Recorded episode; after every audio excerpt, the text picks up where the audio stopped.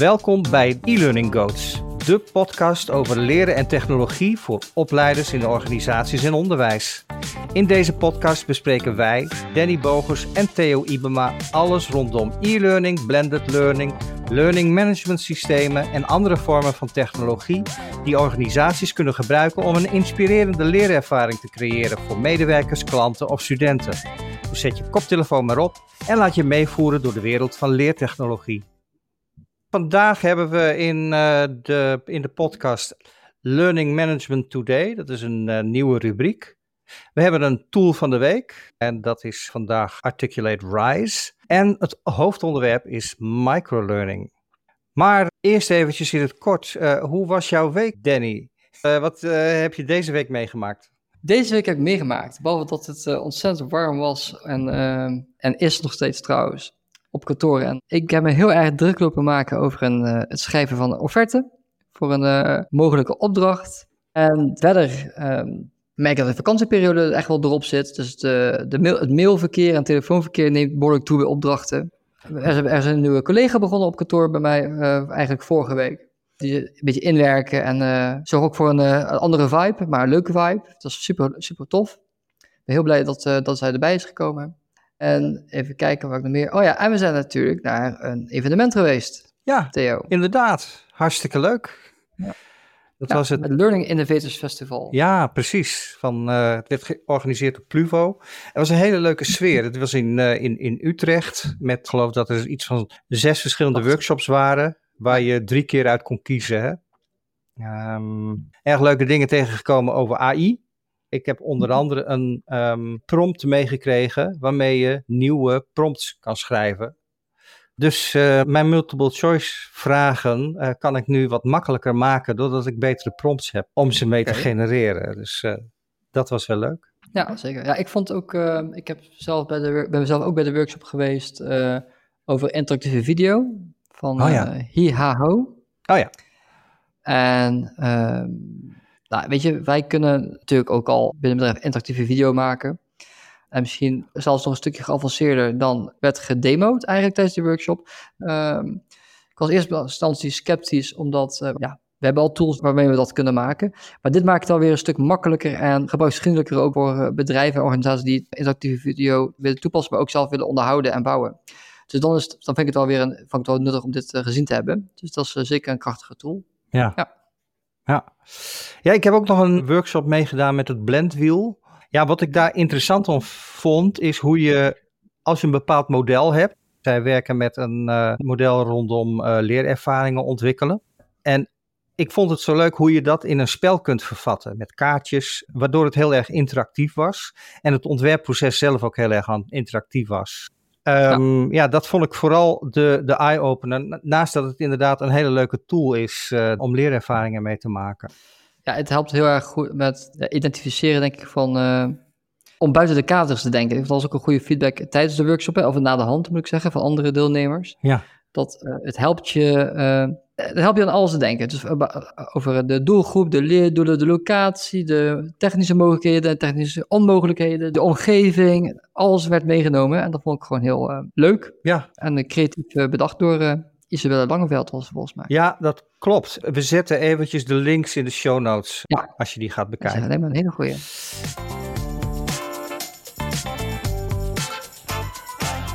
Ja, um, we hebben een nieuwe rubriek die we gaan starten vanaf deze keer. En dat is uh, Learning Management Today. Learning Management Today is een nieuwe rubriek in onze podcast waarin we ons richten op de kernaspecten van learning management systems. Als je vanuit een organisatie werkt met een LMS of uh, je bent belast met een taak om er eentje aan te schaffen of te upgraden, dan is deze rubriek voor jou. Ons doel is om je te voorzien van praktische informatie en tips die je helpen bij het aanschaffen en inrichten en het uh, gebruiken van deze systemen.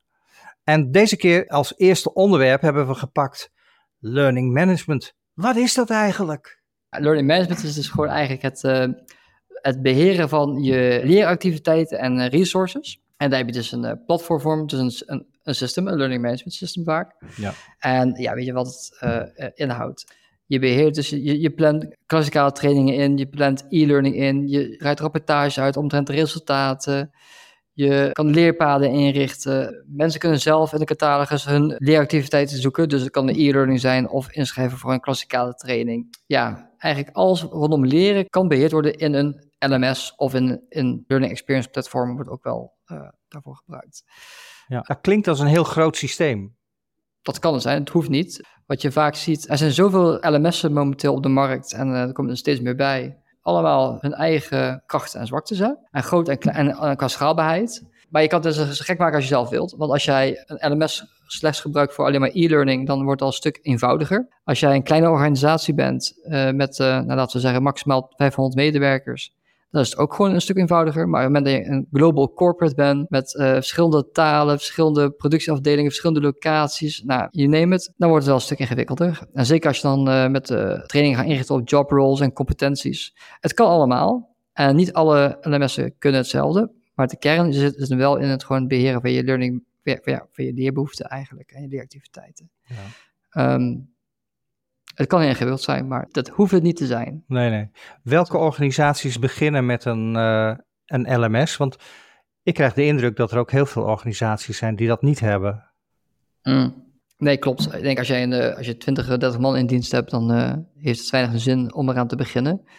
Um, het zijn echt de grotere, grotere organisaties die dan ja, die gewoon meerdere trainingen aanbieden. Dus die mensen, organisaties die investeren in, een, in de ontwikkeling van hun mensen. Mm -hmm. Ja, en die, dat ook, uh, die daar gewoon zicht op willen houden. Ja. Dus uh, die willen weten uh, wie wat gedaan heeft. die willen hun ontwikkeling kunnen zien en meten. die willen erop op kunnen bijsturen. Ja, die organisaties. En zeker ook organisaties die een, een mix hebben van verschillende leermethodieken. Dus uh, behalve klassikale trainingen, ook on-the-job trainingen of e-learning dan natuurlijk, uh, wat voor ons wel belangrijk is. Ja. Dus um, ja, dan kun je, allemaal, kun je daar, daarmee allemaal beheren, combineren en uh, ja, uitrollen. Ja, dus dat, ja precies. Dus stukje beheer, stukje uitrol. We kennen ze soms ook waar je daadwerkelijk content mee kunt schrijven, waar je dus hele cursussen in kan maken. Of niet? Is dat ja, weer een andere... Ook? Ja, kijk, kijk, wij werken natuurlijk met ontwikkelen van e-learning vaak in uh, offering tools. Ja. En dat uh, zijn dus de Adobe Captivate, Adobe uh, Articulate Storylines, et cetera. dat zijn externe tools die we dan in een LMS kunnen importeren en inladen. Ja. Die dat dan uitgelezen kunnen worden. Maar je hebt inderdaad ook tegenwoordig LMS'en die een eigen offering tool ingebouwd hebben. Ja. Um, wat handig is, Zeker voor de kleinere organisaties die budgetair niet kunnen uh, veroorloven om een externe developer in te huren uh, of, of, een externe tool uh, bijvoorbeeld. dat gezegd hebben, weet je, het is gewoon een tool in een LMS. En het LMS is leading en de tool is dan vaak beperkt. Ja. al wordt er natuurlijk constant aangesleuteld en wordt altijd steeds beter. En ja. zeker nu met AI zie je zelfs al hier en daar een plugin die helpt een contentstructuur te maken bijvoorbeeld altijd, wat ook al behoorlijk helpt. Maar okay. um, ja, weet je, een LMS is in eerste instantie een LMS en geen authoring tool. Ja. En eh, die feature is, zie je steeds vaker wel in een LMS terug. Maar ja, dus het is gewoon vrij beperkt doorgaans. Ja, precies. Nou, helemaal duidelijk volgens mij. Ja, als je vragen hebt over een LMS of je bent bezig met een LMS in te richten voor je organisatie, je hebt daar vragen over, ja, schroom niet om ons vragen te stellen. Um, uh, en ook als je hier reacties op hebt, heb je een LMS uh, waar je goede ervaringen mee hebt? Of heb je een LMS waar je uh, minder goede ervaringen mee hebt? Laat het ons weten. Volgende keer gaan we wat meer in op de, de aanschaf van een LMS, hoe je dat kunt, kunt aanpakken. Ja, we gaan het volgende onderwerp. Nou, tool van de week. En de tool van de week is deze keer Articulate Rise. Ja, uh, tell me more. Rise, dat is een e-learning auteurstool. Het is een pakket waarmee je e-learning kunt maken, die je vervolgens op een LMS kunt plaatsen. Rise is ontwikkeld door Articulate. Dat is een Amerikaans bedrijf dat gespecialiseerd is in e-learning software. Articulate is opgericht in 2002 en het heeft een reeks van producten, waaronder Articulate Storyline, gaan we binnenkort nog wel eens aandacht aan besteden, uh, en Articulate 360. En dat Articulate 360 is een soort suite. Allerlei auteurssoftware zit daarin. Uh, Rise werd geïntroduceerd in 2016 als onderdeel van dat Articulate 360 pakket. En het doel was om een meer gestroomlijnde en toegankelijke tool te bieden voor het maken van e-learning cursussen. Vooral voor gebruikers die snel responsive content wilden creëren zonder al te veel technische kennis. Voor wie zou je Rise eigenlijk aanraden? En tegen wie zou je zeggen van, nou, kies maar een andere optie? Nou, ik, ik wilde eerst nog even terug op, jou, op jouw verhaal dat over uh, Rise. Want uh, even een stukje, uh, een klein stukje geschiedenis. Want vroeg, ik weet nog, vroeger toen ik voor het eerst kwam met Articulate, was Articulate Studio. En, en dat was een, een, een plugin eigenlijk voor PowerPoint. En die maakte eigenlijk van PowerPoint eigenlijk gewoon score modules. En je kan een quizje toevoegen. En inderdaad, de kracht van Rise is hè, dat het natuurlijk responsive is. Dat is mooi op elk apparaat. Dus ook je mobiele telefoon. En het is uh, ja, recht toe, recht aan. Zeg. Dus ja, um, als jij aan mij vraagt, Theo, van uh, wie zou je Rise aanraden? Dan zou ik zeggen van uh, organisaties starten met e-learning. Die je snel zelf ook iets willen kunnen maken online. Ja, en, en, die, en, en die het nou, recht toe, recht houden. Niet zo ingewikkeld. Dus het gewoon echt aan snelle, goed uitziende, vriendelijke content. Um, dus ja, maar, maar maar wat wil je zelf? Want jij werkt uh, dagelijks met een RISE. Ja, ja uh, ik, uh, heb, ik heb, ik heb heel, inmiddels heel veel RISE-modules gemaakt. Eigenlijk vind ik RISE een soort website. Waarin je de animaties op de, op de goede plek staan. er zitten interacties in die je heel makkelijk kunt, kunt toevoegen. Het is snel. Het, het doet, je klikt, elk knopje werkt meteen. Ja. Er is geen ingewikkelde programmatuur achter zo gewoon click and drag. Je, um, nou ja, het is niet eens erop slepen, maar het is gewoon aanklikken. Mm. Het werkt meteen. Het werkt in ieder formaat. Ja. Maar dat heeft ook een prijs.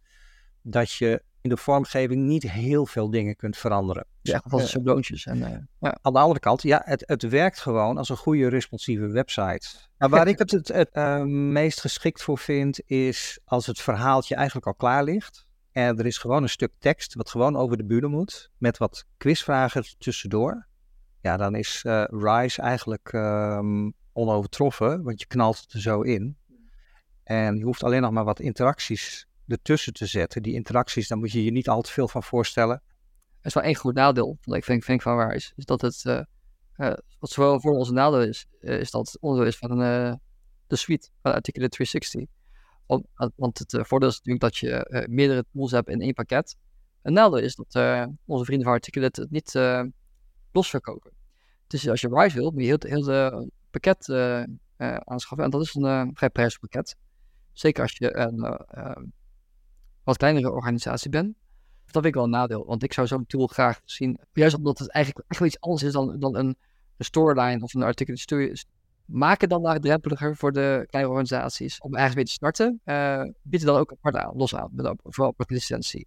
Wat mij betreft, wat ik een groot nadeel vind van Rise, is dat alles wat je maakt, staat in de cloud bij Articulate. Daar heb ik een paar problemen mee. Uh, het eerste probleem is, het blijft altijd bij Rise in de cloud staan. En dat betekent dat je geen eigenaar bent van je eigen data. Je kunt het niet porteren, je kunt het niet meenemen. En je kan het ook niet op je eigen servers uh, zetten. Voor je data-integriteit kan dat ook een probleem zijn. Want informatie die in die cursussen zitten, is misschien vertrouwelijk. Maar dat laat je wel lekker op de server van een Amerikaans bedrijf staan. Beheerstechnisch is dat ook een cream. Op het moment dat je namelijk heel veel modules hebt, ja, hoe ga je dat beheren? Al die bronbestanden, ja, die blijven allemaal in één grote vergaarbak bij Articulate staan op een gegeven moment moet je daar gaan over gaan nadenken. En Articulate heeft niet echt heel veel tools. En het heeft ook geen versiebeheer. Als je op een gegeven moment wijzigingen aanpast, dan kan je niet meer terug naar de vorige versie. Oh, dat is al, uh, oh, dat is een uh, mooie feature request voor uh, Articulate. Ja. Nogal, hè? Ja. Maar goed, dus er zijn plus- en minpunten voor, voor Articulate Rise. Als we hem even samenvatten, voordelen zijn vooral dat je er heel snel mee aan de slag kan. Je hebt heel snel iets moois gemaakt dat er goed uitziet. En, uh, past op mobile. Uh, je kan heel snel iets moois maken. Mijn ervaring is dat uh, inhoudsdeskundigen al heel snel zeggen: Wauw, wat is dit? Ziet dit er goed uit? Review 360? Oh ja, ge geïntegreerd zit er een heel mooi review pakket. Dus je kunt heel makkelijk, maar dat geldt overigens voor de hele suite van ja. Articulate je daar heel makkelijk uh, feedback op kunt ontvangen. Ja, je kunt heel makkelijk in, in, inhoudsdeskundigen en de klanten inzicht geven in hetgeen waar je aan ontwikkelen bent, als ze gelijk op kunnen schieten. Precies, maar goed, ga je heel erg leunen op Rise dan, en je gaat heel veel uh, daarmee maken, dan ga je aanlopen tegen een aantal dingen die te maken hebben met beheer en met uh, ja, je data-integriteit. Ja. En het uh, kostenplaatje. Zowel als je inderdaad op, alleen Rise gebruikt en de rest van de studie laat je links liggen, was dat nou, kostbaar. Maar het is een keuze. Het is een keuze. Dus, ja. ja, dat was de tool van de week. Dan gaan we verder met ons hoofdonderwerp. Oké, we gaan het hebben over microlearnings. Microlearning is een onderwijsmethode waarbij leerstof in kleine hapklare eenheden wordt aangeboden. Deze korte leermomenten duren meestal niet langer dan 2 tot 10 minuten en zijn gericht op het aanleren van specifieke vaardigheden of kennis. Microlearning is ideaal voor de moderne drukke werknemer die geen tijd heeft voor lange cursussen, maar wel af en toe wil bijspijkeren op taken die nieuw zijn of die niet zo vaak voorkomen. Ja, nou. Goede omschrijving? Ja, vind ik wel. Kijk, de, de, de duur, weet je, dat is inderdaad... Ja, is discutabel, hè? Ja, ja het is natuurlijk uh, discutabel inderdaad, maar um, ja, weet je, het is gewoon een microlearning, uh, dat, is, dat, is gewoon, ja, learning bites, uh, kleine, nou, hapklare brokken, zeggen we altijd maar. Waardoor je snel een stukje, uh, een stukje kennis tot je kan nemen. Ik zie het heel erg als een ontwikkeling die te maken heeft met dat leren steeds informeler wordt. Uh, dat in organisaties leren steeds meer plaatsvindt op de werkvloer.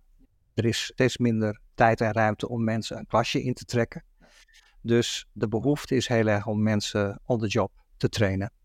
En het liefst uh, mensen gewoon meteen aan het werk zetten. Ja, meteen taken laten uitvoeren, wat gewoon onderdeel is van het werk. En leer het maar op je werkplek.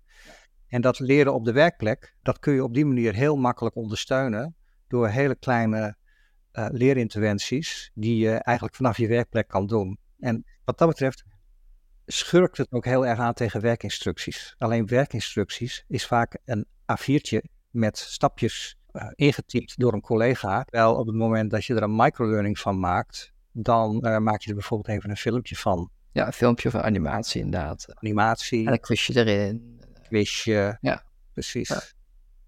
Wat zijn, wat zijn jouw ervaringen met microlearnings?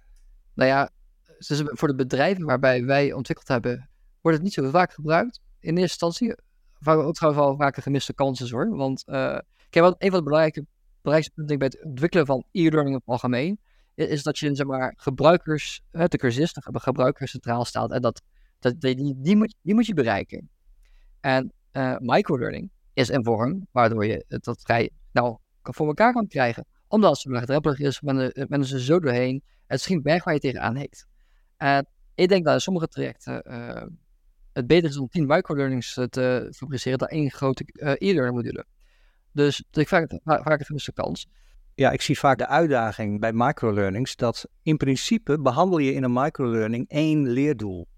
Dus er is één ding wat je over moet dragen. En omdat je jezelf moet beperken, moet je van tevoren goed nagedacht hebben over wat is het nou precies wat we mensen in deze microlearning willen leren.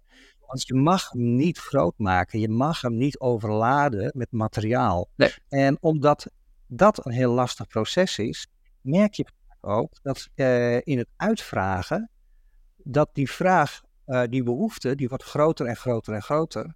Voor je het weet, ben je een gewone e-learning ja. aan het maken. Ja, wat je dan wel doet, denk ik als ontwikkelaar dan zou kunnen doen, of je kunnen voorstellen, hè, van, van, dat, ik herinner me dus eigenlijk, dus nu een project uh, ging over de, de verkooppersonen. Die hadden dus een bepaalde manier van verkopen, dus een klantgesprek aangehaald. Dat is een stukje introductie zijn, wat heb je al, wat werkt goed, wat gaat beter, waar heb je nog meer ondersteuning bij nodig. En gewoon een heel riddeltje en uiteindelijk tot de sale te komen. Maar dat, dat cirkeltje bestond uit uh, zes stappen. En het idee was om een e-learning te maken. En de e-learnings hadden met elkaar met uh, casuïstiek, met video-interviewtjes en zo van echte mensen, echte klanten. Uh, nou, zo, het duurde een e-learning van 90 minuten. Nou, don't do it, zou jij zeggen. Maar toen was het ons idee van, joh, laten we dat opknippen en het uh, behapbaar maken en klein maken. Ja, je, je kan het opdelen. Waar ik het ook veel heb toegepast, eigenlijk toen ik e-learnings ging maken, ben ik begonnen met microlearnings. Maar die waren altijd in het kader van live trainingen die waren gegeven. Zo'n live training, dat is een event, hè, dat is één gebeurtenis, maar mensen vergeten dat heel snel. Of uh, het, zakt weg. Wij gebruikten microlearnings als een vorm van reinforcement. Dus uh, principes uit een uh, live training gingen we filmpjes van maken. En vervolgens gingen we een distributiekanaal zoeken om dat te verspreiden. Wat we bijvoorbeeld deden, is dat via WhatsApp toesturen. Ja, ja dat, dat, zal ik ook net aan denken, inderdaad. Maar um, men kan dan gewoon die training doen wanneer het hem of haar uitkomt. En dat, dat, dat is natuurlijk sowieso bij ieder een kracht, waar je toch vaak binnen een normale ieder moet doen, is dat ze dan vaak in een beveiligde omgeving moeten, moeten doen, of op, op bepaalde locatie van, van kantoor. En dit doen ze wel onderweg naar werk. Of als ze er vandaan komen. Of wanneer ze zin hebben. Hey Danny, kunnen wij een aantal best practices uh, toelichten om aan de slag te gaan met microlearnings? Waar moet je dan aan denken? Uh, ten eerste, uh, doelgericht ontwerp. Dus je moet het gericht houden op één vaardigheid en één concept. En we hebben al besproken hoe lastig dat kan zijn als je een leerbehoefte aan het uitvragen bent. Want ineens heeft iedereen allerlei wensen. En je zal daar keuzes in moeten maken. En het gaan inderdaad opgeknipt houden. En het zo, vooral heel erg modulair houden. Dus je moet al heel snel zeggen, nou weet je wat, zullen we daar een tweede uh, microlearning van maken? Echt een beetje het less is more idee. Hè? Ja.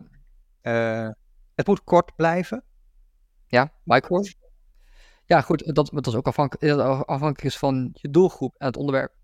Ik heb heel lang als streven gehad bij het maken van animaties binnen twee minuten. En voor is ook al eens onderzoekje geweest van ook op YouTube van, van dat uh, mensen na uh, zoveel minuten wegklikken van de video. Ja, maar ik vind dat niet helemaal leidend als je een, als je een microlearning maakt. Want de aandachtspannen van mensen voor een onderwerp wat ze echt nodig hebben bij hun werk, nou, die is echt wel wat langer. Maar bij vijf of zes minuten, dan houd je ook wel op. Um, maar goed, hoe lang is lang? Ja, dat moet je zelf een beetje beoordelen, denk ik. Ik denk dat het bij tien minuten wel ophoudt. Ja. Uh, anders ben je toch weer een ander onderwerp aan het bespreken. Een tweede onderwerp of een derde onderwerp. Ja, interactie. Ja, heb jij interactieve microlearnings gemaakt? Ja, dus je wat interactief, hè? Want kijk, ik vind altijd van dat je, uh, kijk, een filmpje of een podcast of uh, iets wat je afspeelt, speel je af, kun je op je oortje luisteren, gemakje kijken. Maar ik, wat ik vooral belangrijk vind, is checken bij de cursist of het begrepen heeft. Dus ja, je, je kan niet in de microlearning niet eerder uitgebreide interacties plaatsvinden, want dat dan wordt geen microlearning meer, maar dan ga je te veel uh, Maar zoiets gewoon even, gewoon een checkje, checkje uh, over het onderwerp van, joh, heb je de informatie goed begrepen? Uh, Precies. Quizjes zijn leuk, maar denk ook aan polls. Ja. Want heel veel leren gaat niet over goed of fout. Heel veel leren gaat ook over het met elkaar bespreken en een visie hebben op dingen. Dus stel mensen ook eens een keertje een vraag over hun mening en koppel aan ze terug hoe de rest van hun groep daarover denkt. Um, dat we ze interactief maken, uh, mobielvriendelijk maken. Um, ja, ik ben voor. Vaak. Het is natuurlijk afhankelijk van, van inderdaad wat ik net zei van, um, heeft men toegang tot de online leeromgeving via, de, via een mobiel apparaat, privé of zakelijk. Maar goed, je kan ook in principe zou ik mobile, uh, sorry, uh, microlearning natuurlijk ook kunnen aanbieden vanuit je desktop uh, of laptop zou kunnen. Tuurlijk, waarom niet? ik heb microlearnings vaker dan niet buiten een LMS om aan mensen toegestuurd. Dat was de eerste vorm waarin ik microlearnings gebruikt heb als onderdeel van een retentieprogramma. Dus dan hadden we een heel programma uitgeschreven van verschillende leerdoelen en die op gezette tijden een microlearning versturen.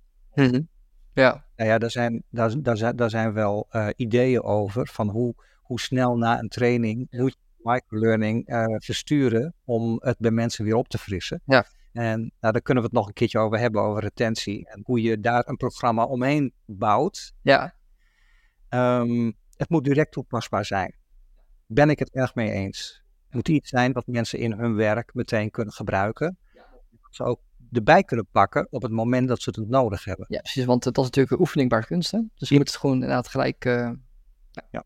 En uh, integreer het in een breder leertraject als aanvulling op traditionele. Ja, daar ben ik een groot voorstander van. Nou, ik denk ook gewoon, weet je, wat, eh, misschien de grote uh, gemene delen hier is, denk ik, het uh, wegnemen van, van dreppels, van, van, van, obstakels. Want ik denk als je zelf kijkt, wat was je meest prettige leerervaring? Waren de onderwerpen waar je A, jezelf voor het meest geïnteresseerde, die, waar je snel bij de resources kon, die gewoon lekker werkt. weet je, het gaat uiteindelijk allemaal om de, om de cursist. Um, hoe meer drempels je wegneemt, hoe fijner zo'n leer. Ah, je triggert me ook met wat je zegt, van dat het uiteindelijk om de, om de cursist of de, de leerder gaat. En wat ik daar vooral belangrijk bij vind, is wat is de behoefte van de cursist? Is hij gewoon druk aan het werk? Zegt hij storm me niet en geef me alleen instructie op het moment dat ik het nodig heb? Of is het iemand die zegt, ik heb hier de ballen van, uh, verstand van, neem mij even mee aan de hand en geef me even een goede inleiding over dit onderwerp, want het is echt helemaal nieuw voor me. Als het laatste het geval is, geef me dan alsjeblieft een uitgebreidere cursus. Ja. Dan heb ik wat meer context nodig. Maar als het iemand is die gewoon onder druk staat, hard aan het werk is, heel snel even iets tussendoor uh, erbij moet kunnen pakken, dan zijn die microlearnings het goud. Zeker, zeker. Ik denk niet dat elk onderwerp ook zich leent voor een microlearning. Maar inderdaad, is, het onderwerp moet maar snel toepasbaar zijn.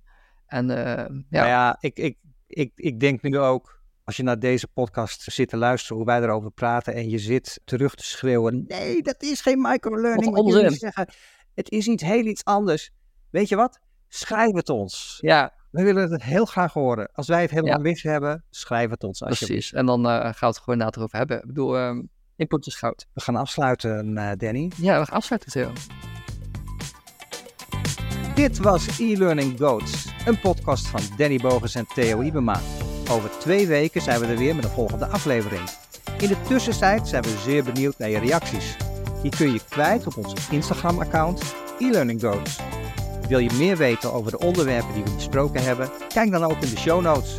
Daar zetten we alle relevante links op. En je vindt ook de link naar onze website. Vond je dit een leuke aflevering? Klik dan in jouw podcast-app, liken en volgen. Dat helpt andere mensen weer om deze podcast beter te vinden. Bedankt voor het luisteren en graag tot de volgende keer.